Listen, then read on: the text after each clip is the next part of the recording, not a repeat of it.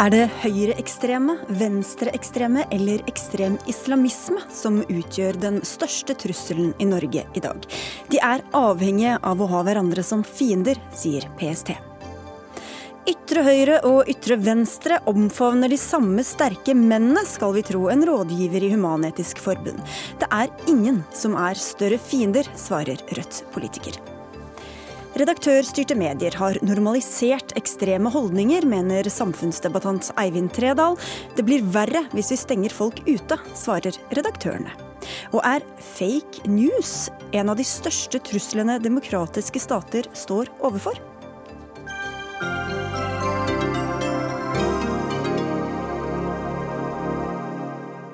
Det mener i hvert fall en av våre gjester. Gledelig jul og vel møtt til denne ferdiginnspilte romjulsutgaven av Dagsnytt 18, hvor ekstremisme altså er tema den neste timen. Jeg heter Sigrid Solund. Hvert år kommer Politiets sikkerhetstjeneste, PST, med en vurdering av trusselsituasjonen i Norge. Her går de gjennom hvilke trusler de ser mot landet vårt, særlig fra den ekstreme islamismen, høyreekstremismen og venstreekstremismen. Og trusselvurderinga gjelder for ett år av gangen. Ja, i januar kommer dere med en ny trusselvurdering. Jon Fitje, du er analysesjef i PST. Hva kan du si om hvordan dere vurderer trusselsituasjonen i Norge nå? Ja, Det er viktig at vi eh, nå er i innspurten med eh, den vurderinga som eh, blir offentliggjort sånn, sannsynligvis i januar, eller månedsskiftet januar-februar. og Den gjelder da for ett et år av gangen. Jeg kan ikke forskuttere hva som blir de endelige konklusjonene eller vurderingene per nå, men, men jeg kan vel driste meg til å si at Eh, vi ser ikke noen dramatiske endringer i forhold til den vurderinga som gjelder eh, nå, altså for, eh, for 2018. Sånn sett så er trusselbildet prega av en viss stabilitet og en viss kontinuitet, men så vil det jo alltid være en del endringer, og så vil det jo alltid kunne skje mm. endringer i, i, det året som ligger før oss. Og Da er det noen grupperinger dere spesielt uh, ser nærmere på. Hvis vi starter med den ekstreme islamismen, hvordan er trusselen fra dette miljøet eller disse miljøene i Norge nå? Ja, generelt så har aktiviteten i det ekstreme islamistiske miljøet blitt redusert. Det var jo, som sikkert mange husker, en stor aktivitet i 2014-2015. Veldig mange reiste til Syria, slutta seg til ISIL. Eh, den situasjonen er, eh, er endra ganske radikalt. Eh, det er mindre radikalisering, det er færre personer, det er mindre aktivitet. Men det er jo ikke sånn at den trusselen er eliminert. Men på alle de faktorene jeg nevnte, så har en sett en, en, en reduksjon. Mm. Og så høyreekstremismen og venstreekstremismen, som vi skal snakke mye mer om i sendinga. Hvis vi begynner med høyreekstremismen. Hva med den? Hvordan står den eh, til? Eh, der er det mindre, mindre endring, eh, når vi ser på det, på det store bildet. Det høyreekstreme miljøet, for å kalle det det, i Norge er jo, er jo dominert av den nordiske motstandsbevegelsen. Som, som i de siste åra har prøvd å, å, bygge seg opp. Og den aktiviteten der jeg er med vil, vil fortsette. Vi ser det vel som mindre eller vi vurderer det som mindre sannsynlig at, at, det skulle komme et forsøk på et terrorangrep fra, fra det høyreekstreme miljøet. Men det har definitivt et voldspotensial. Eh, og hovedfienden er jo eh, både de såkalte venstreekstreme eh, og styres, maktene og, og hva skal jeg si, samfunnet som sådan. Men vi vurderer det fortsatt som en, som en, mindre trussel, som en mindre alvorlig trussel enn det ekstreme islamistiske miljøet. Eh, Harald Klungteit, du er redaktør i Filter Nyheter og har fulgt dette høyreekstreme miljøet i Norge over de siste årene og vært til stede under flere demonstrasjoner hvor du også har blitt trua selv. Hvordan opplever du eh, trusselen fra det høyreekstreme miljøet i Norge? Altså jeg tror PST sin overordna vurdering er nok eh, helt riktig. Altså Som miljø, og så er de organiserte høyreekstreme. Det, det er et lite miljø. Eh, vi snakker kanskje en femtitalls personer i dette hovedmiljøet som, eh, som blir nevnt her, som er den nordiske motstandsbevegelsen. Men det man ikke må glemme når man snakker om trusselbildet, er jo at i miksen her er masse enkeltpersoner som jo er så dedikerte til uh, nazistisk eller annen ekstrem ideologi. At de, de, har jo bestemt seg for at vold er et gyldig virkemiddel. Uh, og man, altså når man ser nærmere på, på de spørsmålene, så, så, er det en god del av de som eh, altså i nordisk sammenheng som har voldsdommer fra før, som, som har utøvd vold. og vi har også hatt tilløp til terrorisme der, for, for to år siden der det var tre medlemmer fra den nordiske motstandsbevegelsen som, som utplasserte bomber i Gøteborg og ble tatt av svensk sikkerhetspoliti. Ja, for De opererer jo da, som det sies, eller naturlig nok, på, over landegrensene. Hvordan er trusselsituasjonen fra dem rundt om i Skandinavia? Altså, de, de, har jo På sett og vis så har de jo lyktes med å gjøre dette til en internasjonal organisasjon i, i de nordiske landene. Og de, de deltar jo på hverandres arrangementer. altså Vi har hatt demonstrasjoner her i Norge som har, som har dominert av svensker. Veldig mange av de straffedømt fra før. Eh, og tilsvarende som drar, drar nordmennene på både åpne og lukke arrangementer i de andre, andre nordiske landene. altså både, både, Sverige og Finland primært, men man ser også en liten tilløp til vekst i, i Danmark. Eh, så Sånn sett så er jo trusselen den uh, samme på tvers av landene, men i, det er jo Sverige som er episenteret her. her. Der er det altså mange hundre høyreekstremister mm. som, som, er aktive, og et helt annet og uoversiktlig miljø. Men som også, også flyter over i, i det, norske, uh, det norske bildet. Fitte, Det eneste terrorangrepet vi har hatt på norsk jord, var jo det som ble utført den 22.07.2011. Hvordan har dette angrepet eventuelt påvirket trusselen og, og aktiviteten fra andre høyreekstreme i årene etter det? Ja, det, det, det er vanskelig å, å, gi en veldig god og, og, og sikker vurdering på.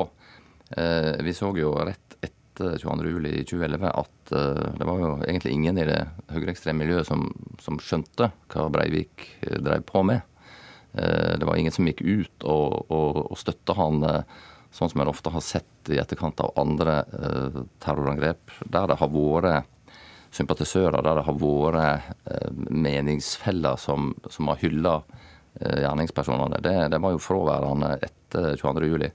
Uh, og Breivik uh, levde i, i, sin egen, vær, uh, både, både ideolog, ideologisk og, og operativt. så det er klart I etterkant så har han nok sett at enkelte har henvist til Breivik og, og hylla han, men overhodet ikke hva skal jeg si, i, i, den grad som selvfølgelig Breivik sjøl hadde mm. håpa på. Mm. Så jeg tror betydninga av Breivik i det høyreekstreme miljøet har nok vært ganske begrensa, vil, jeg påstå. Og så må vi snakke litt om de venstreekstreme. Hvem er de, og hvor mange er de, og hva slags trussel er det de utgjør?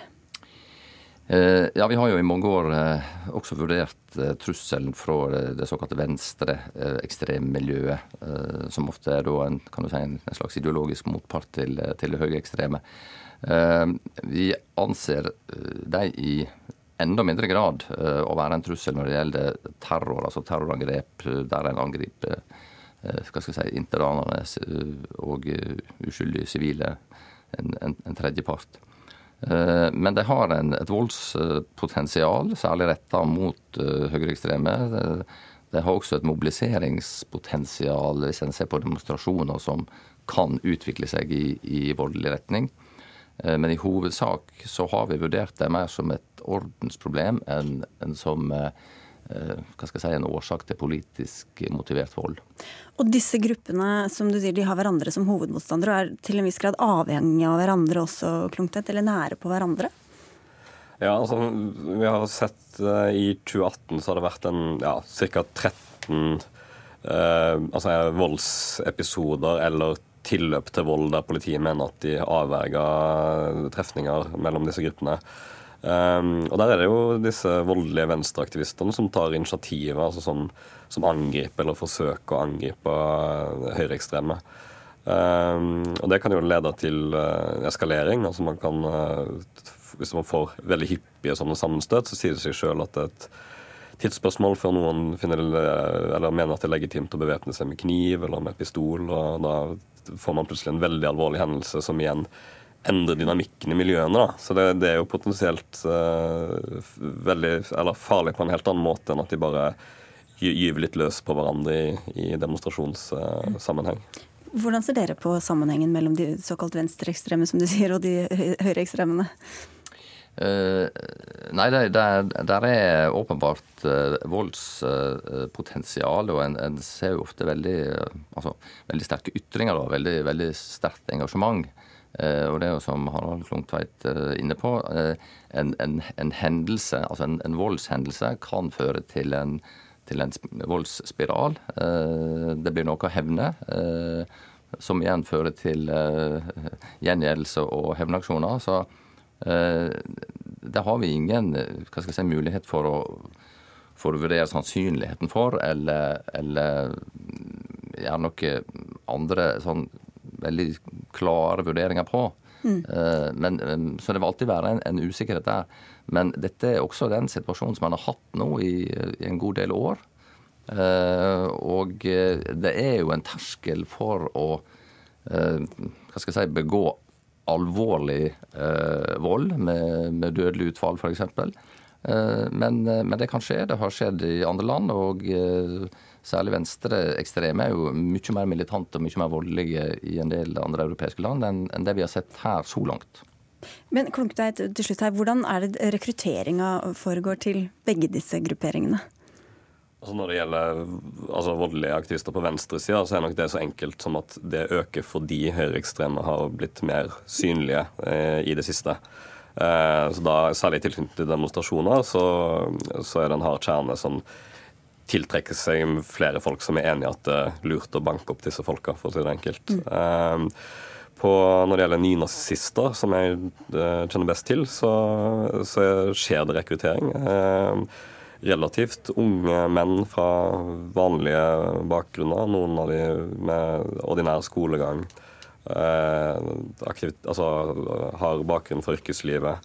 Eh, så det, det, skjer i dag. Eh, men, eh, men, det er jo ikke altså det er vanskelig å si om det er veldig i vekst, for det faller folk fra også. Altså Folk som blir avradikaliserte og som forsvinner ut.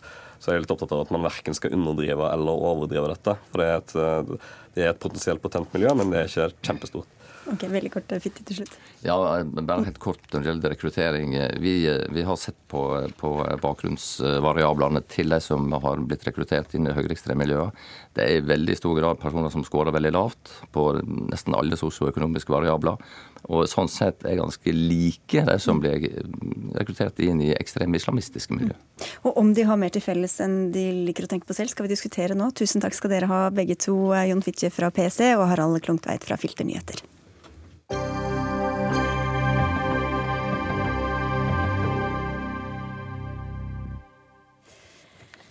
Et bilde av fire smilende menn på kafé i Trondheim. Det var utgangspunktet. Resultatet ble en kronikk i VG om hvordan eh, ytre høyre og ytre venstre finner sammen i politikken. Og den er skrevet av deg, Didrik Søderlind. Du er rådgiver i Human-Etisk Forbund. Hva var det som var så spesielt med dette bildet, at det endte opp i en kronikk? Det som er interessant med det bildet, som viser to eh, menn, Hans Olav Brennberg og Trond Andresen, med bakgrunn fra ytre høyre venstre i norsk politikk, og eh, Hans Jørgen Lysglimt Johansen og Ole Kristian Røydahl fra partiet Alliansen, som nesten er et slags naziparti nå, men som startet som et ultraliberalistisk parti med sterke innslag av rasisme. At de satt på kafé sammen og fant tonen, og at Trond Andresen senere la dette bildet ut på Facebook og sa vi var, med, vi var enige om det viktigste. Mm. Det er ganske spesielt, fordi i den verden som jeg vokste opp i på 80-tallet, så var det sånn at altså, ultraliberalister og rasister ville vært motpoler til ytre venstre sosialister. ikke sant? Altså, de ville, de ville kanskje slåss. Og da setter du dette i sammenhengen med den såkalte hesteskoteorien, som går ut på Altså, Hesteskoteorien er en teori som, som, sier at den politiske aksen vi kjenner til, fra venstre til høyre, som vi har brukt siden den franske revolusjonen, den krummer seg sånn at den ligner på en hestesko som gjør at ytterst på tuppene av denne hesteskoen, ytre venstre og ytre høyre, så begynner standpunktene å ligne på hverandre. Og det er en teori som jeg personlig er skeptisk til. men Så du likevel skriver ja, om og forsvarer? Men, men, noen ganger så leverer den. Og det bildet av det kafébordet, det syns jeg er en sånn tilfelle hvor hesteskoteorien leverer. Ok, Du får forsvare den litt her hos oss. Da får vi ha med oss en som er litt, eh, litt skeptisk også. Fylkesleder for partiet Rødt i Sør-Trøndelag, Ronny Kjelsberg. Du er ikke så begeistra for denne teorien. Hvorfor ikke? Nå sier jo Didrik sjøl at han er litt skeptisk til en, og en teori som passer i noen få enkelttilfeller. Det er ikke en så veldig god teori, for å si det sånn.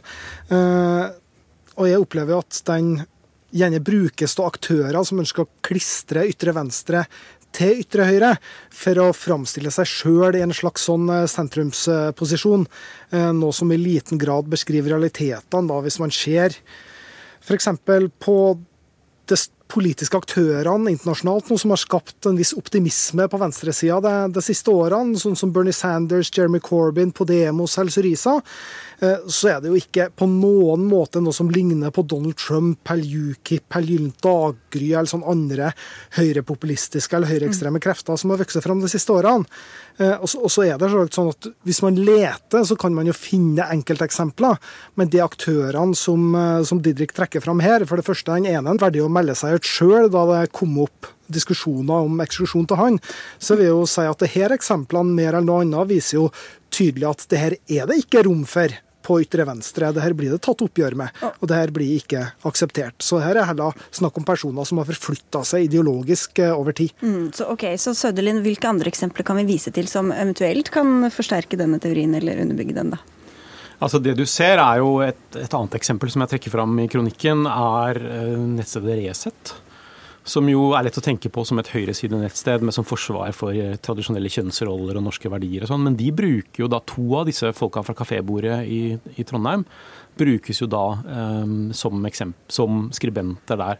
Pål Steigan er et annet godt eksempel på det du kanskje, kanskje kan kalle et hesteskomiljø. Uh, og du har en del sånne overlappende greier her som, som, begynner å bli merkbart. Og de møtes veldig gjerne i en opptatthet av jøder. Jøders rolle i samfunnet, jøders makt over media. Et annet eksempel er Ny Tid. Som uh, hadde en sampublisering med det nesten identitære nettstedet Kulturverk, f.eks og som bruker Johan Galtung, fredsforskeren, som i årevis har snakket om jøders makt over media og sånn. Ja, Vi har ingen av disse til stede, så vi får bare holde det litt kort. Men, eh, men eh, Kjelsberg, du sier at, at hesteskoteorien forvirrer mer enn den forklarer. Hvordan er det den forvirrer, da? Nei, jeg tror at den ødelegger for kampen mot høyreekstremisme. For klart, i realiteten så mener jeg at det er de kreftene som befinner seg på den vanlige høyresida, i anførselstegn, som har overlegent flest koblinger til ytre høyre. Og Det er bare for å se på velgerforflytningene til, til, Le Pen i andre runde av den forrige presidentvalgkampen. Altså, eh, De aller fleste kom jo fra det ordinære konservative partiet republikanerne. Eh, likevel så er det mange som i stedet fokuserer på koblinga mellom Le Pen og, og, og ytre venstresida. Da går høyresida på en måte fri. Og det er veldig uheldig. og Vi ser, ser litt de samme tendensene her til lands der Høyre etter hvert og Venstre, og nå kanskje KrF, går inn i, i regjering og samarbeider med Frp, som på en måte har inkorporert høyrepopulismen i Norge. Da. Eh, og, jeg mener at det, det var jo til slutt Rødt da, som måtte ta, sette ned foten og fremme mistillitsforslag mot Sylvi Listhaug, og, og, på en måte fått sett, ned, sett noen grenser her. da, Ett sted går grensa. Eh, men, eh, mens Høyre på sin side eh, har jo latt Frp, etter de kom i regjering sammen, slippe unna med ting som, hvis man leter litt tilbake i tid, da, vil se at høyrefolk har tatt et kraftig oppgjør med tidligere. Så jeg mener dessverre da at i stedet for at du ser en sånn likhet mellom ytre venstre og ytre høyre, så det vi har sett er en radikalisering av høyresida Eh, de siste årene. Og det er det som virkelig er skummelt, og det er der fokuset burde ligge, og ikke på litt sånn tilfeldige enkeltpersoner, enkeltaktører, som, eh, som i, i, noen saker finner sammen på, på tvers av grensene. Ja, så det kan trekke oppmerksomheten bort fra der hvor den bør ligge, da, Stødelin? Altså, jeg er litt uenig med Jeg og Ronny sogner til motsatt side i politikken. Godt av det, det når vi sitter her i studio. Så det er ikke, det er ikke, altså Jeg er ikke helt enig med ham i alt, men, men jeg er enig med ham i at altså, det er veldig mye som skjer på min side, altså på høyresiden i politikken, som man skal være veldig kritisk til, og jeg har prøvd å, å være det. Uh, så det er jeg for så vidt enig med ham i. Men samtidig, f.eks. De, de eksemplene han trekker fram, han trekker fram Labour, og, altså Corbyns Labour, har jo nettopp blitt et Altså de, de har jo antisemittismeskandaler gang på gang på gang på gang. Uh, og det er jo for meg litt sånn altså det er, det er, noe galt som skjer der. Men Kan det være at denne hesteskoteorien at den normaliserer det som før var uh, unormalt? Ja, det, det, det, er jo det vi ser. Altså Det vi ser er at veien fra frynsene til sentrum i politikken har blitt mye, mye kortere. Og det så vi jo nettopp uh, i Akkurat jeg holdt på å gjøre ferdig teksten min om hesteskoteorien, så viste det seg at en av personene fra dette kafébordet i Trondheim, som, som vi snakket om innledningsvis, uh, Bjørn Christian Rødahl fra Alliansen, skulle da dele talerstol med innvandringspolitisk talsmann i Fremskrittspartiet, Jone Helgeheim. Uh, og det er som, altså, ikke sant, Fra det kafébordet i Trondheim, fra hesteskomiljøet til sentrum, til et regjeringsparti, dele talerstol med dem, tok et år. Det betyr ikke at du nødvendigvis er enig av den grunn, bare for å ha sagt det. Men Nei, så klart ikke. til slutt da, Kjelsberg, det er jo sånn, som vi hørte også litt innledningsvis her, eh, ytre høyre og ytre venstre er gjerne begge motstandere av globalisering, de er skeptiske til markedsøkonomi, ønsker store forandringer, så det er ikke så utenkelig kanskje at de skal finne sammen eh, noen ganger? Nei, det, Der er jeg ikke helt, eh, helt enig. Eh, det, den motsetninga globalisme, nasjonalisme, som ytre høyre ofte trekker fram, eh, det er jo noe helt annet enn den motsetninga arbeid og kapital, som ytre venstre alltid har trukket fram. Og så er det sant, og det, det, er på en måte det ene poenget med Didrik har, at du finner enkelte miljø på, på venstresida, eller i hvert fall med utgangspunkt i venstresida, som har begynt å, å tatt over deler av det virkelighetsbildet der det er nasjonale mot det globale som er viktige motsetningsforholdet. Eh, men, men, til det er det vel kanskje to ting å si. Det ene er at det er veldig marginale grupper og miljø, mener jeg. Eh, de får liten støtte støtte i partiene på venstresida f.eks. De, de, de får ikke noe gjennomslag der. Jeg tror veldig mange der begynner begynner å oppleve at det, det, er lite å hente på venstresida, og, og begynner å er litt på politisk vandring. og Det ser man hvis man får litt med på de miljøene. da. Ok, jeg tror vi lar det bli siste hesteskoargument her i dag. Takk skal dere ha begge to, Didrik Søderlind fra Human-Etisk Forbund, hvor du er rådgiver, og Ronny Kjelsberg, som altså er fylkesleder i Rødt i Sør-Trøndelag. Thank you. Ytre høyre er på frammarsj i Europa, har vi hørt i flere år nå. Men hvorfor? Katrine Moe Torleifsson, du er forsker ved Senter for ekstremismeforskning på Universitetet i Oslo. Og du har fått et ganske eksklusivt eh, innpass hos noen av de høyrenasjonalistiske partiene i Europa, som Jobbik i Ungarn og UKIP i England. Og disse møtene har du bl.a. beskrevet i et intervju med Minerva før jul. Fortell først hvordan du opplevde å komme så tett inn på denne, eller disse gjengene som ofte holder journalister på lang avstand. Ja, altså, som eh, antropolog var jeg veldig opptatt av å skjønne deres eh, livsverden. altså Hva er det som motiverer dem til å bli med i partiet? Hva er de lokale bevegegrunnene til velgerne? Så jeg dro jo av gårde med et ganske åpent sinn for å skjønne, skjønne disse miljøene på deres eh, premisser og lytte til deres bekymringer. Mm. Og da, Hvis vi begynner med UKIP, som altså er dette EU-kritiske um, uavhengighetspartiet i Storbritannia. Hva fant du ut om hvorfor folk stemte på dem? Altså Det lokale gjennomslaget, da var det mange grunner som var ganske logiske. Det var mange velgere som hadde fremtidsangst, eller de var redde for at eh, jobbene deres var usikre over tid. Og de klagde på økt konkurranse i lavlønnssektor, f.eks. fra arbeidsmigranter fra Øst-Europa. Og mange beskrev en sånn generell destabilisering av identitet som er knyttet til 30 års eh, endring. Så det kan du kalle et sånt kulturelt tilbakeslag mot eh, globaliseringens eh, raske endringsprosesser. Og Hvis vi da sammenligner det med, nei, med Ungarn, hvor du også var, hva var likheten og forskjellene der? Altså Forskjellen der er at det åpent promoterer etnisk nasjonalisme. Der er de mot mangfold, og også rettigheter til migranter og minoriteter. Og i økende grad omfant også en hvit nasjonalisme. Og de hadde ideer, nostalgi for Stor-Ungarn, og var veldig opptatt av å bevare sin nasjonale identitet mot uh, truende andre. Så UKIP og Jobbik de jeg jobbet med, altså de representerer to ytterpunkter i det vi kaller den populistiske høyreradikale partifamilien. Men hvor går grensa mellom ytre høyre, høyreradikal, høyreekstremisme? Ja. De fleste aktørene her de respekterer jo demokratiet. Altså Noen bruker sin makt til å gå mot det liberale demokratiet, så det sier vi er imot eh, liberalismen.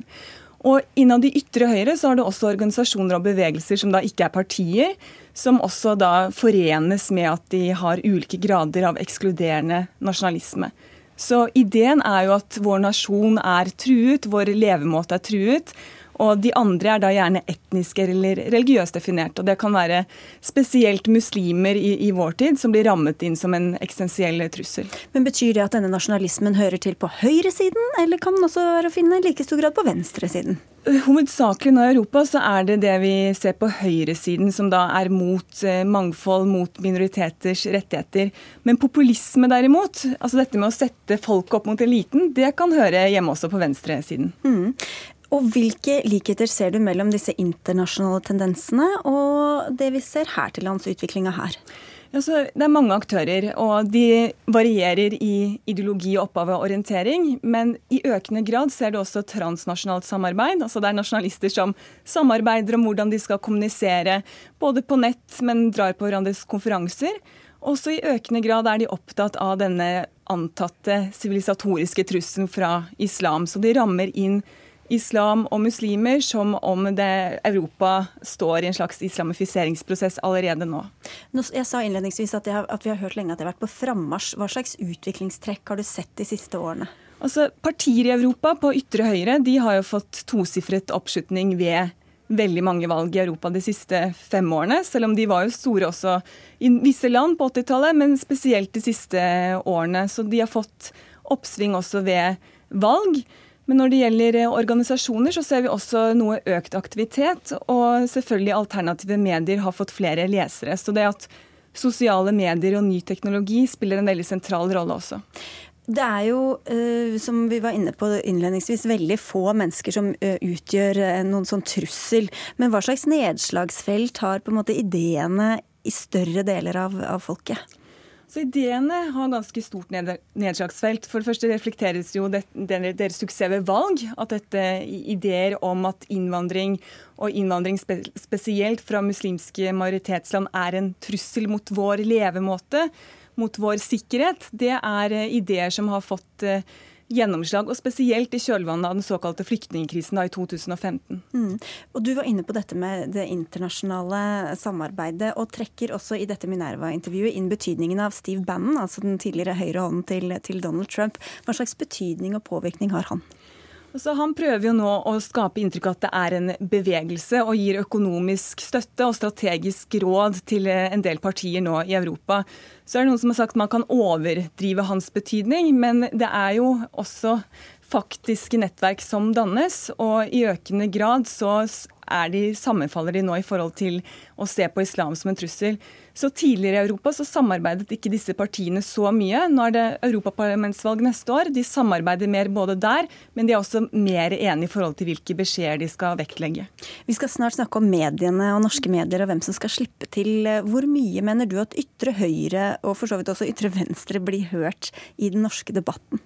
Jeg syns de eh, slipper veldig godt til. Altså det er store sendeflater, og de slipper til i Rikskringkastingen og også i andre medier. Og noen av aktørene de mobiliserer jo også mot såkalt politisk korrekte mainstream medier. Sånn at de slipper til og med til i de mediene de så kritiserer for å utgjøre også en trussel. Og Hva eh, mener du at eh, hvis man vil prøve å, å motvirke da, polarisering og ekstremisme, hva kan vanlige folk, medier og politikere gjøre? Så faktasjekke sånn at det ikke spres desinformasjon. Men eh, også en annen eh, viktig element er utdanning, altså utdanning i mangfold. I eh, religionsvitenskap f.eks., men også selvfølgelig gå imot forenklede skremmebilder som stemper hele grupper. Da skal vi slippe til noen av aktørene selv. Tusen takk skal du ha, Katrine Moe Torleifsson, for at du kom til denne ferdig innspilte romjulsvarianten av Dagsnytt 18. Da skal du få gå ut mens vi tar imot de som skal eh, følge etter deg, for, for, å si det sånn. Fordi er det sånn at det blir eh, mer polarisering og ekstremisme av å legge lokk på meninger som går mot strømmen, eller får de tvert imot mer næring av å slippe til? Debatten om hvorvidt troll sprekker i lyset, og om hvem som skal få tilgang til medienes spalter, var en av de heteste her i høst. Og for noen uker siden så fulgte du opp med en bok hvor dette var et av hovedtemaene, Eivind Tredal. Du er forfatter og bystyremedlem og stortingsrådgiver for Miljøpartiet De Grønne. Mange hatter. I denne boka 'Hvorfor ytre høyre vinner debatten og hvordan kan vi stoppe dem', så kritiserer du skal vi si, vanlige medier for hvordan de bringer ekstreme meninger videre. Hva er det du mener de gjør galt? Altså, Først og fremst så kritiserer jeg nok eh, partiene, og i hovedsak de borgerlige, for å ikke ha vært tydelige nok på å avgrense eh, mot sin ytterfløy. Så egentlig er nok hovedkritikken man retter mot dem. Men det er jo alltid mer populært i media å diskutere mediene. Du skriver ganske mye om mediene også. Ja, ja. Og jeg syns jo medias rolle også er interessant, fordi dette har jo i mine øyne blitt en slags konkurrerende mediesfære. Altså Ytre Høyre har dyrka fram eh, egne nettsteder som er veldig populære, og til dels også konkurrerer med de største mediene våre på nett. Og så mener jeg da at eh, man har valgt dårlige strategier for å prøve å eh, stoppe dem fra å sette agendaen mer enn det som er nødvendig. I høst har vi f.eks. hatt en ganske heftig diskusjon om FNs migrasjonsplattform, der jeg påstår at et ganske aggressivt mindretall har klart å skyve debatten over til å handle om konspirasjonsteorier og i det hele tatt skape en eh, offentlig debatt som i mine øyne er basert på helt feil premisser, og, og undergraver det som kunne vært en veldig interessant diskusjon om denne plattformen. Så Det er jo ett av mange eksempler på at jeg oppfatter at Ytre Høyres alternative mediesfære bidrar til å skyve debatten langt i sin retning, kanskje på bekostning av mer interessante og bredere diskusjoner. Men Hvordan burde mediene forholde seg til eh, det du kaller Ytre Høyre, da? Nei, Det er en veldig vanskelig rolle. Jeg tar ikke til orde for såkalt no platforming, eller at man skal kneble eller sånne ting, men jeg mener at man for det første bør unngå å la folk opptre som ulver i fåreklær i offentligheten. Og det har jeg et par eksempler på at man F.eks. der aktører som Hans Lysglimt Johansen uh, i Alliansen, uh, eller også da Hans Rustad, uh, Helge Lurås i Resett og flere andre, ja. opptrer som nøk nøkterne eksperter, eller som på en måte sant, opprørske stemmer, uten å kanskje helt gjøre det klart hvor radikale deres budskap faktisk er. da. Ja. Og ingen av dem er til stede, så vi, kan, men, vi lar det ligge da, der. Men vi tar det overordna. Erik Tornes, du er debattredaktør i Aftenposten. Har dere gitt for mye spalteplass og på gale premisser? Uh, nei, overordnet så mener jeg jo ikke det. Uh, som, hvis vi snakker om uh, debattflatene våre, så er vi opptatt av at vi skal være en bred debattarena. hvor det skal være rom for mange stemmer. vi skal dekke mange saker, og vi skal ha med mange perspektiver.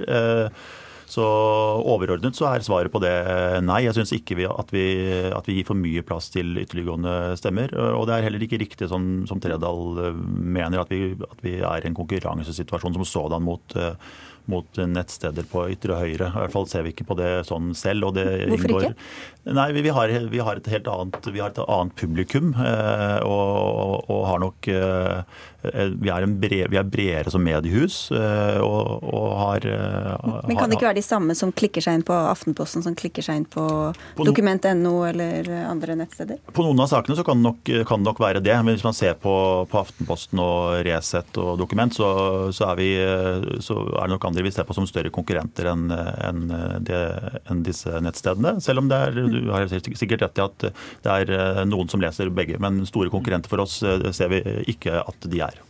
Ja, når jeg sier at det er en konkurranseforhold, så trekker jeg jo da på tall som er blitt henta på delinger og likes på Facebook, og viser at f.eks. Resett hadde i fjor sommer, juni, juli og august, eh, eller i sommer, 890 eh, 000 delinger eh, versus da 1,2 millioner delinger i Aftenposten. sånn at det er jo sammenlignbare tall. Og jeg har inntrykk av at f.eks. Resett og Dokument og Human Rights Service, hvis du ser på delingslistene hver dag på sosiale medier, så ligger de helt på topp.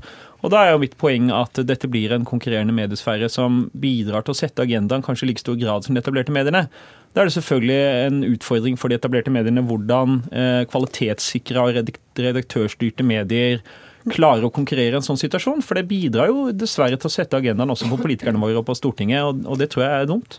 Ja, bare veldig kort. Det er, det, er sånn, det, er, det er, ikke sånn at disse nettstedene definerer eh, hva vi satser på, hva vi ikke skriver om. Eh, vi er ikke i en sånn type konkurransesituasjon at de har mange lesere. Eh, at vi har leser, lesertall som ligger litt over det. Det er en helt annen sak. I vinter var det jo slik f.eks. om Trine Skei Grandes påståtte metoo-sak, så var det jo Resett som egentlig pressa de etablerte mediene til å skrive om det. Så jeg er nok litt uenig i at media klarer å unngå at disse aktørene også setter agendaen, og det er det jeg også advarer mot. Ja, Det finnes sikkert enkeltsaker hvor, hvor Resett eller, eller, andre av de nettsteder har vært tidligere ute på saker, men som, som, hovedregel så er det ikke sånn at de definerer hva vi går inn for. Vi, vi styrer ikke journalistikken vår etter det. Det er hovedpoenget. Jeg vil etter deg da, Nina Gjerpset Østli, du er skribent og redaktør i gjenstridig.no, som du startet etter at du slutta i Du har jo jobba i flere av disse nevnte mediene, nemlig Human Rights Service og Dokument.no, men du har også skrevet for etablerte medier som Aftenposten og Minerva. Eh, bare først til dette. Du blir jo da eh, plassert på ytre høyre fløy. Hvor er det du selv plasserer deg politisk? Jeg er jo sosialdemokrat. Eh, dette her med ytre høyre går veldig ofte på at nå blir ytre høyre definert som innvandringskritisk.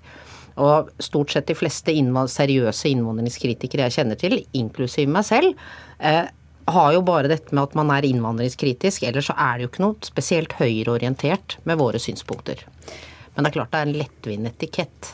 Ja, for det er jo litt vanskelig hvordan man skal definere hvem her, eh, Tredal. Ja, men jeg, jeg tror Jepseth har helt rett i at det er innvandringsspørsmålet som i hovedsak utgjør uh, ytre høyres eh, kampsak i Norge. Og Fremskrittspartiet òg har jo vist at de ikke egentlig er så engasjert i å stramme inn på velferdsgoder eller på andre måter redusere hvis du, velferdsstaten. Hvis du er mot det, så er du per definisjon på ytre høyre? Det jeg bruker som målestokk, er i hovedsak hvorvidt man sprer det jeg kaller Arabia-teorien i forskjellige varianter. Altså om man underbygger fortellinga om at Norge er i ferd med å bli islamisert, og at innvandringer bidrar til at islam i større grad tar over Norge. Eh, det mener jeg Human Rights Service åpenbart har bidratt til, eh, også mens Nilla Epseth Østli har vært skribent, men også da Dokument Resett. Og så inkluderer jeg da de mest innvandringskritiske i Frp i denne, eh, dette jeg kaller et økosystem på ytre høyre. da. Mm. Spørsmålet er om man ikke leser litt feil ting inn i dette med at det er klart jo flere muslimer og islamister man får i et land, jo større jo mer gjør islam ut av seg med påvirkning og uttrykk i det offentlige rom. Eh, men det er jo ikke noen konspirasjonsteori. Men vi, vi dukker ikke ned i den i, eller, eller, det, så, det, hører jo hjemme, men vi skal ikke ta den debatten. Men vi skal jo snakke litt om hvem som slipper til og ikke. Du snakker jo om, eller du skrev vel på Facebook at Tredal vil legge lokk på en, en trykkoker, som jo er litt dette, denne, denne, teorien om hvorvidt den stemmer eller ikke. Hva, hva, mener du når du skriver det? Så jeg tror uh, at dette undertrykket er jo skapt av at dette har vært en veldig betent debatt. Den har jo på mange måter vært holdt nede. Ergo har vi fått en trykkoker. Det er veldig mange sinte mennesker som føler at de ikke blir hørt, og at de blir stemplet i den grad når de kommer fram med meningene sine. Nå tror ikke jeg at Trædal er ute etter å kneble ytringsfriheten. Jeg ser ikke helt for seg for meg hvordan han skulle få til det. Men eh, jeg tror det er veldig feil å nå eh, stanse denne debatten. Eh, eller skyve ut de som kanskje representerer ganske mange menneskers meninger. Dokument.no f.eks. Har forferdelig mye lesere.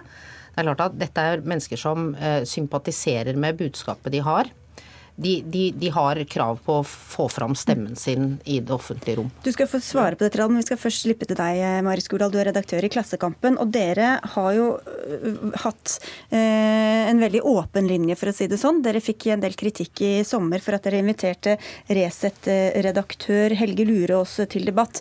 Hvorfor, har dere, eller hvorfor gjorde dere det, og hva slags linje er det dere har, har lagt dere på? Nei, Vi har lagt oss Vi har en linje som er at eh, vi vil forfølge de temaene vi syns er journalistisk interessante. Eh, det er journalistikken som styrer hva vi interesserer oss for. Eh, hva vi vurderer er de store temaene i verden i dag. Og jeg syns det er litt interessant. Den blir trukket fram hele tiden, denne trykkokerteorien. Den har vi aldri bekjent oss til og aldri egentlig redigert avisa etter. Hvorfor ikke? Hva er det som ikke stemmer den? Eller? Nei, den tar jo På en eller annen måte så legger den til grunn at det fins noen stemmer der ute som ikke får komme til orde, og da vil på en måte de til, det til slutt skape en sånn eksplosiv samtid, samfunnssituasjon, da. Eh, hvis noen stemmer ikke høres. Eh, vi er jo en avis for den breie venstresida, sånn at vi har kanskje ikke liksom noen idé om at hvis vi bare skulle latt alle type innvandringskritiske standpunkter komme til, til eh, orde hos oss, så ville så ville de snudd eller moderert seg eller noe sånt. Og det er ikke noe sånne ting vi tenker på.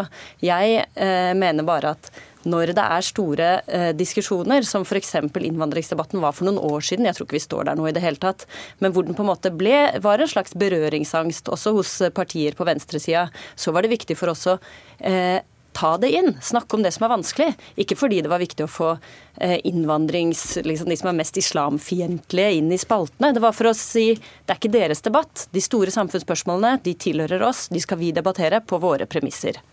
Ja, altså, nå ble jeg kanskje misforstått, for, det, for all del. Jeg mener ikke at uh, mediene skal gi en plattform i den forstand, men dette er en debatt som foregår og er viktig i samfunnet. Og det er klart at den, den, den må ut i det offentlige rom.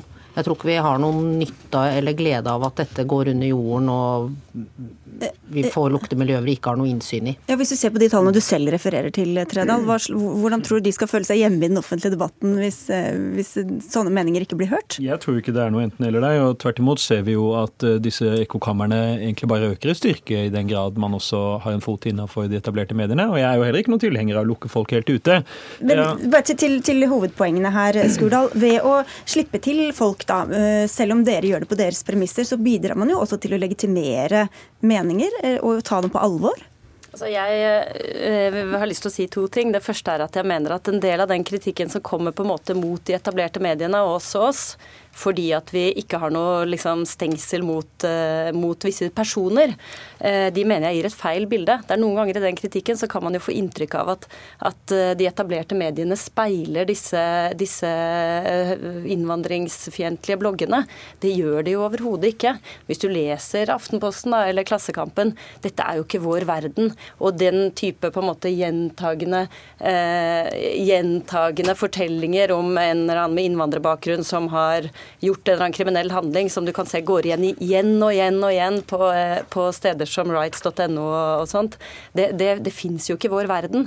Og jeg gjorde en liten opptelling før jeg kom hit, for da tenkte jeg liksom hvor, eh, hvordan ser dette egentlig ut? Fordi vi får jo hele tiden kritikk mot oss for at vi ruller ut en rød løper, lar folk alle komme til orde. Så tenkte jeg hva, men, eh, ja. eh, hva er det egentlig som ligger i det? Og da så jeg litt, prøvde jeg å gå og titte på når er det på en måte Hege Storhaug da egentlig kommer til i de store offentlige mediene. Eh, og det er noen ganger hvor hun er omtalt mye.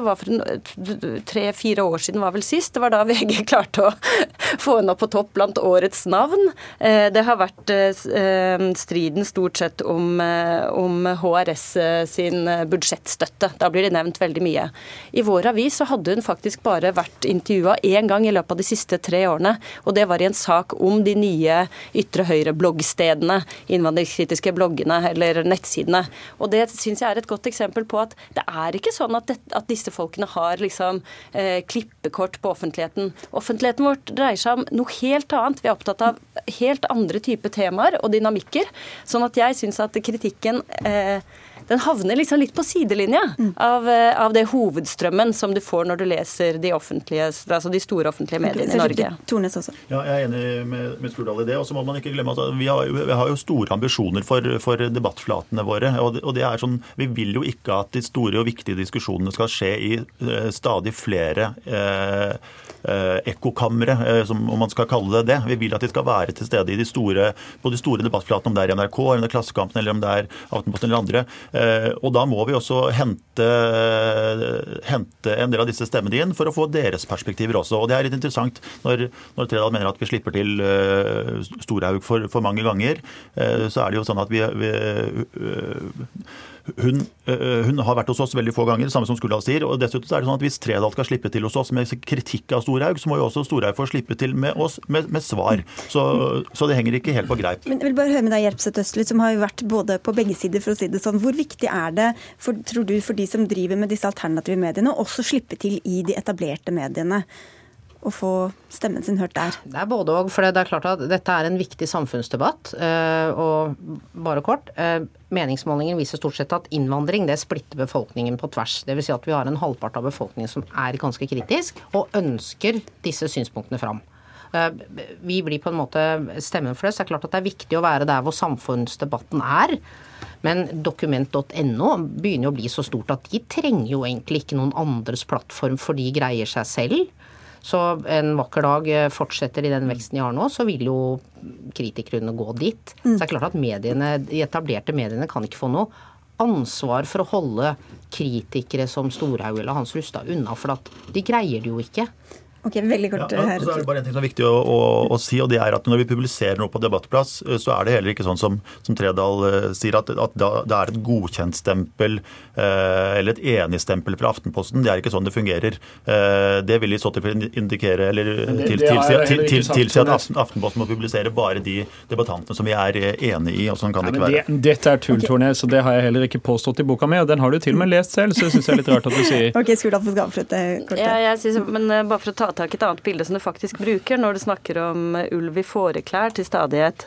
For jeg lurer på når er det vi kler opp noen i fåreklær for å ta de ut? Jeg syns stort sett så handler altså Journalistikk handler jo om er kilden relevant, og så må vi kontekstualisere så godt vi kan når de presenteres, for å vise hvem de er. Eh, om vi da skulle hatt eh, en eller annen sånn derre eh, blomstrete språk for å kle inn de som er mest liksom hatske mot islam, til noe annet, det ville jo vært et kjempejournalistisk problem. Men det skjer ikke. Selvkritikk i høst for å ha inkludert Helge Lurås i et panel i Arendalsuka som en såkalt motstrøm stemme. Og dere ville til og med at han skulle sitte på samme lag som Klassekampen mot en fra Dagbladet, en fra VG, hvis jeg ikke husker feil. Dette er ikke riktig. Jo, dette, av, dette tok Bjørgul Brånen selvkritikk på okay. i høst. Ja, det er akkurat det jeg kritiserer. Du skal huske på at eh, mange innafor har litt problemer med å se seg selv utafor. For at det, i manges øyne så er du litt på ytterkanten nå, Eivind. Det tror jeg han eh, innrømmer også i boka ja, si, hvis jeg ikke har lest den helt feil. Si dette med meningsmålingene. Det er altså ikke halvparten halvparten. Rundt 20-25 synes at innvandrere truer norsk kultur, at de okay. utnytter velferdsordninger, misliker muslimske trossamfunn. Det store flertallet gjør ikke det. Dere, og det tror jeg også er viktig å ha i bakhodet. Men det lille dette er forskjellige undersøkelser. Sånn er det ofte. Vi må takke dere alle sammen. Vi kunne holdt på en hel time med dette, skjønner jeg, men det var det vi rakk. Takk skal dere ha, Eivind Tredal, Erik Tornes, Mari Skurdal og Nina Hjelpseth Østli. Thank you.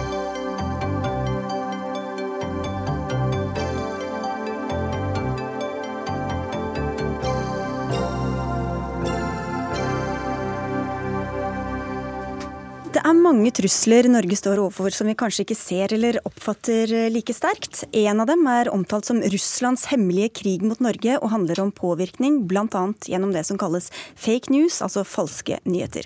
Vi har hørt om trollfabrikker med flere tusen mennesker ansatt for å lage historier som ikke stemmer med virkeligheten. Og Anders Romarheim, du er førsteamanuensis ved Institutt for forsvarsstudier. Først en liten hjelp til definisjonen her. Hva er fake news, og hva er det faktisk ikke? Ja, det er jo et stort spørsmål. Eh, men ordet fake tilsier jo at noe er falskt ved informasjonen. Eh, og jeg pleier å si at det da er enten eh, innholdet uriktig, eller så er det en avsender som er uriktig. Altså at du plasserer ut et meningsinnhold hos noen andre. Samtidig så vil jeg si at fake news nettopp etterligner nyhetsformater. Man kan si det er nyhetsaktig informasjon. Utgir seg for å være nyheter, men er egentlig da påvirkningskampanje i bunn. Og på sårbarhetskonferansen i år så sa du at dette er en av de tr største truslene som demokratiske stater står overfor i dag. Hvorfor er det så farlig? Eh, det er så farlig fordi eh, hvis du klarer å undergrave demokratiet vårt, så har du virkelig gjort noe ubotelig skade, egentlig, mot mot, eh, mot samfunnet. Og vi skal huske sikkerhetsloven f.eks. nevner jo demokratisk styreform i første paragraf. Den trer jo i kraft nå i, første, rett over eh, januar. Eh, den nevner jo demokratisk styreform helt på topp mm. som viktigste nasjonale interesser vi har. Hvis, klar, hvis, noen klarer å så tvil om demokratiske valg, hvor står vi da? Mm. Vi slutter å stole på, på, de store institusjonene og på hverandre, rett og slett? Nettopp. Og mm. hvis dette gjøres på en snikende måte, og man klarer å spre unødig splid i samfunnet, eh, så, så, kan det bli veldig vanskelig å manøvrere. og Det ser vi med valgpåvirkningen som eh, ble gjort rundt Trump sitt valg. Eh, det, det henger noe igjen der, en usikkerhet. Det er veldig skummelt, og utgjør faktisk en suverenitetskrenkelse hvis mm. ikke vi selv bestemmer hvem som styrer vårt land. Du, Geir Håkon Karlsen, du er oberstløytnant i Forsvarets høgskole, hovedlærer i strategisk kommunikasjon ved Forsvarets høgskole, og du jobber mye med dette. Eh, hvis vi ser til Russland, da, som er den vi ofte snakker om når det kommer til falske nyheter. Du sier at de prøver å skape splid. Hvordan gjør de det? Ja, de bruker, Det som er mest kjent, er jo bruk av sosiale medier. og Det er jo lett tilgjengelig, og man kan nå hvor som helst fra, i, i verden med det. Eh, det største eksempelet er jo selvfølgelig valget i USA, som Romarheim var inne på. Hvor de eh, hacket eh, databaser og e-mailer til Det demokratiske partiet og plukket ut ting som var politisk kontroversielle, og offentliggjorde det for å undergrave tilliten til partiet. I tillegg så var jo en del av disse sakene rent forvrengte eller forfalskede. ikke sant? Så det er en blanding av sanne, riktig kompromitterende opplysninger med falske, helt forfalskede opplysninger. Um, og dette ble eh, målretta mot grupper på begge sider av det politiske spekteret for å skape størst mulig splid og, og uenighet i samfunnet. Og I den store sammenhengen, det vi ser, det er at de prøver å skape splittelse mellom eh, internt i Nato internt i EU. Eh, og Det er egentlig ganske logisk sett fra Moskva, for det gjør at Russland som en stor nasjon kan håndtere ett og ett land hver for seg istedenfor allianser. Det er heller ikke noe nytt. Dette skjedde jo under Sovjetunionen. Og da er det, Dere peker begge på USA, men du har også nevnt eh, at eh, vi har kanskje sett noe i Frankrike som også kan minne litt om en sånn type ja, måte fra trussel fra ytre makter? Det er hevdet mm. nå at en del Twitter-meldinger og andre meldinger på sosiale medier Eh, som bidrar til å skape enda større splid rundt de eh, demonstrasjonene som er i Frankrike nå, som er store og voldsomme og har vart i mange uker, eh, kommer fra Russland. Det siste jeg ser nå, det er at det etterforskes av, av fransk sikkerhetspoliti. Og per nå så er, det, er, det, ingen konklusjon der. Men vi har jo sett tilsvarende i Tyskland f.eks. under flyktningebølgen og andre steder. Så modus operandi er der, så får vi se om det konkretiserer seg til, en, til at det er Russland som står bak. Da. Og det er grunn til å tro at dette skjer om ikke så stort omfang men også i Norge i Romerheim. Hva er det de oppnår ved å bruke en sånn splitt og hersk-metode? Det eroderer tilliten i samfunnet. Og det er et veldig viktig poeng at noen ganger så vil eh, folk som står på sidelinjene, eh, helt klart favorisere en kandidat. Det er ingen tvil om at eh, den russiske valgpåvirkningen i 2016 var til fordel for Trump og mot Clinton. Men det overordna langsiktig strategiske målet er jo å spre splid. Sånn at enhver sak som kan skape friksjon i samfunnet, der folk blir uenige osv., Eh, vil eh, være et opportunt sted å sette inn et støt. Og Et veldig interessant eksempel skjedde jo i Houston i, løpet av denne eh, informasjonskampanjen, der det viste seg at det var russiske nettroll som sto bak en demonstrasjon og en motdemonstrasjon på andre sida av gata, i håp om at det skulle bli opptøyer og utri utrivelighet mellom de to gruppene. Vi skal til Russland og til deg, Per Anders Johansen. Du er utenrikskorrespondent for Aftenposten og har vært utsatt for sånne russiske troll selv. Hvordan artet det seg? Nei, altså Det er som å stå midt i en storm av, av møkk. og du, du, blir forbannet og du kan bli litt handlingslammet. Det kan ta, legge beslag på mye tid.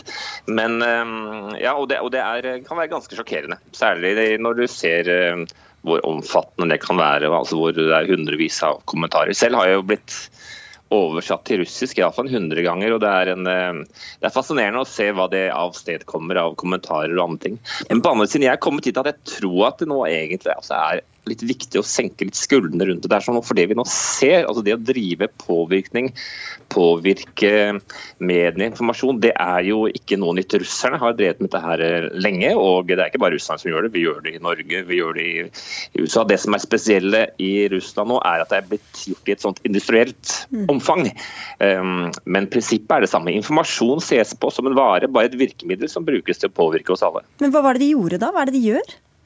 Nei, altså da får du rett og slett en rekke deg på sosiale medier som eh, tar og ja, sprer informasjon som er feil, eller som skjeller deg ut, som prøver å stemple deg som Nato-agent. Eh, men eh, altså, jeg tenker at eh, ja, dette er en del av jobben med å være journalist. og Jeg har jobbet som journalist i 30 år og har jo opplevd og blitt forsøkt manipulert og påvirket tidligere. Det er bare i et mye større omfang. Du, vi skal senke skuldrene, hører vi fra Moskva her. Karlsen. Jeg vet ikke om du er helt enig i det. Hva slags trussel er det de utgjør i, i Norge? Jo, men jeg syns Johansen har et veldig godt poeng der. For det er ingen tvil om at den russiske aktiviteten er veldig stor. Men det er stor tvil om hvor effektiv den er, og i hvor stor grad den påvirker noen. Vi har f.eks. et konkret eksempel fra Tyskland under flyktningkrisen, hvor en 13 år gammel jente som hadde rømt hjemmefra, hun var med russisk bakgrunn, Eh, ble, eh, historien ble spredd på sosiale medier i Tyskland fra, og kom fra russisk side om at hun har blitt voldtatt av asylsøkere. Alt det var humbug. Hun hadde rømt hjemmefra. Eh, og Det ble drevet så langt at den tyske regjeringen og presidenten beskyldte Russland for å drive propagandakrig. Eh, tyske medier ble fullstendig oppmerksom på det, den tyske befolkningen ble fullstendig oppmerksom på det. Så hvis man eh, gjør folk oppmerksom på det, så tar man også brodden av veldig mye av det. Men, men, som Johansen påpeker, vi har jo hårreisende eksempler. En finsk journalist, Jessica Aro, som offentliggjorde og, begynte å studere og rapportere om dette her for flere år siden, har jo blitt systematisk trakassert av eh, finner og russere sammen. Eh, og Tre stykker ble nå nylig dømt til fengsel i Finland for det. De offentliggjorde en helseopplysninger, en tidligere dom, de kom med falske beskyldninger til arbeidsgivere, spredde masse rykter osv. Så, videre. mm. så det er klart det kan ramme personer veldig, veldig vanskelig. Og det er ganske innflytelsesrike og mektige mennesker som står bak Johansen?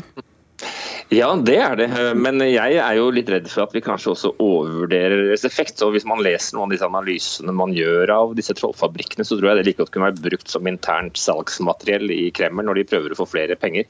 Altså Faktum er jo når vi ser på Altså når jeg møter vanlige russere, som jo faktisk har levd under et si, informasjonssystem hvor altså alle store TV-kanaler er diktert av Kreml.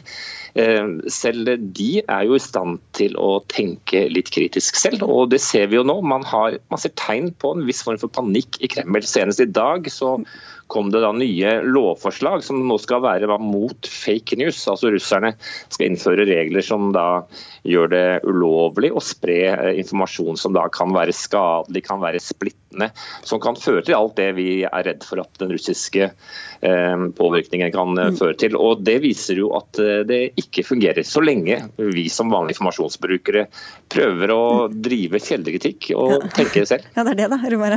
Ja, jeg, jeg, vi kan gjerne senke skuldrene, det har ikke jeg noe imot. Og årvåkenhet er på en måte selve botemiddelet og, og kildekritikk som blir pekt pekt på her. Dette er selvfølgelig noe vi har sett historisk, men det er også noe nytt, og det må vi være veldig bevisst på. Og det går på de sosiale mediene.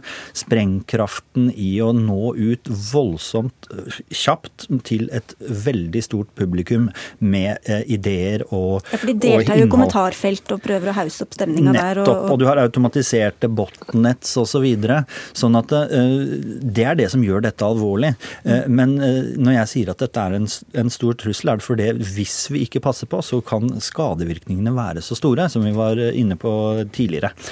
Men det er genuint noe nytt når cyber og det digitale domenet kan benyttes på denne måten. Jeg vet ikke om du klarer å synge på ti sekunder.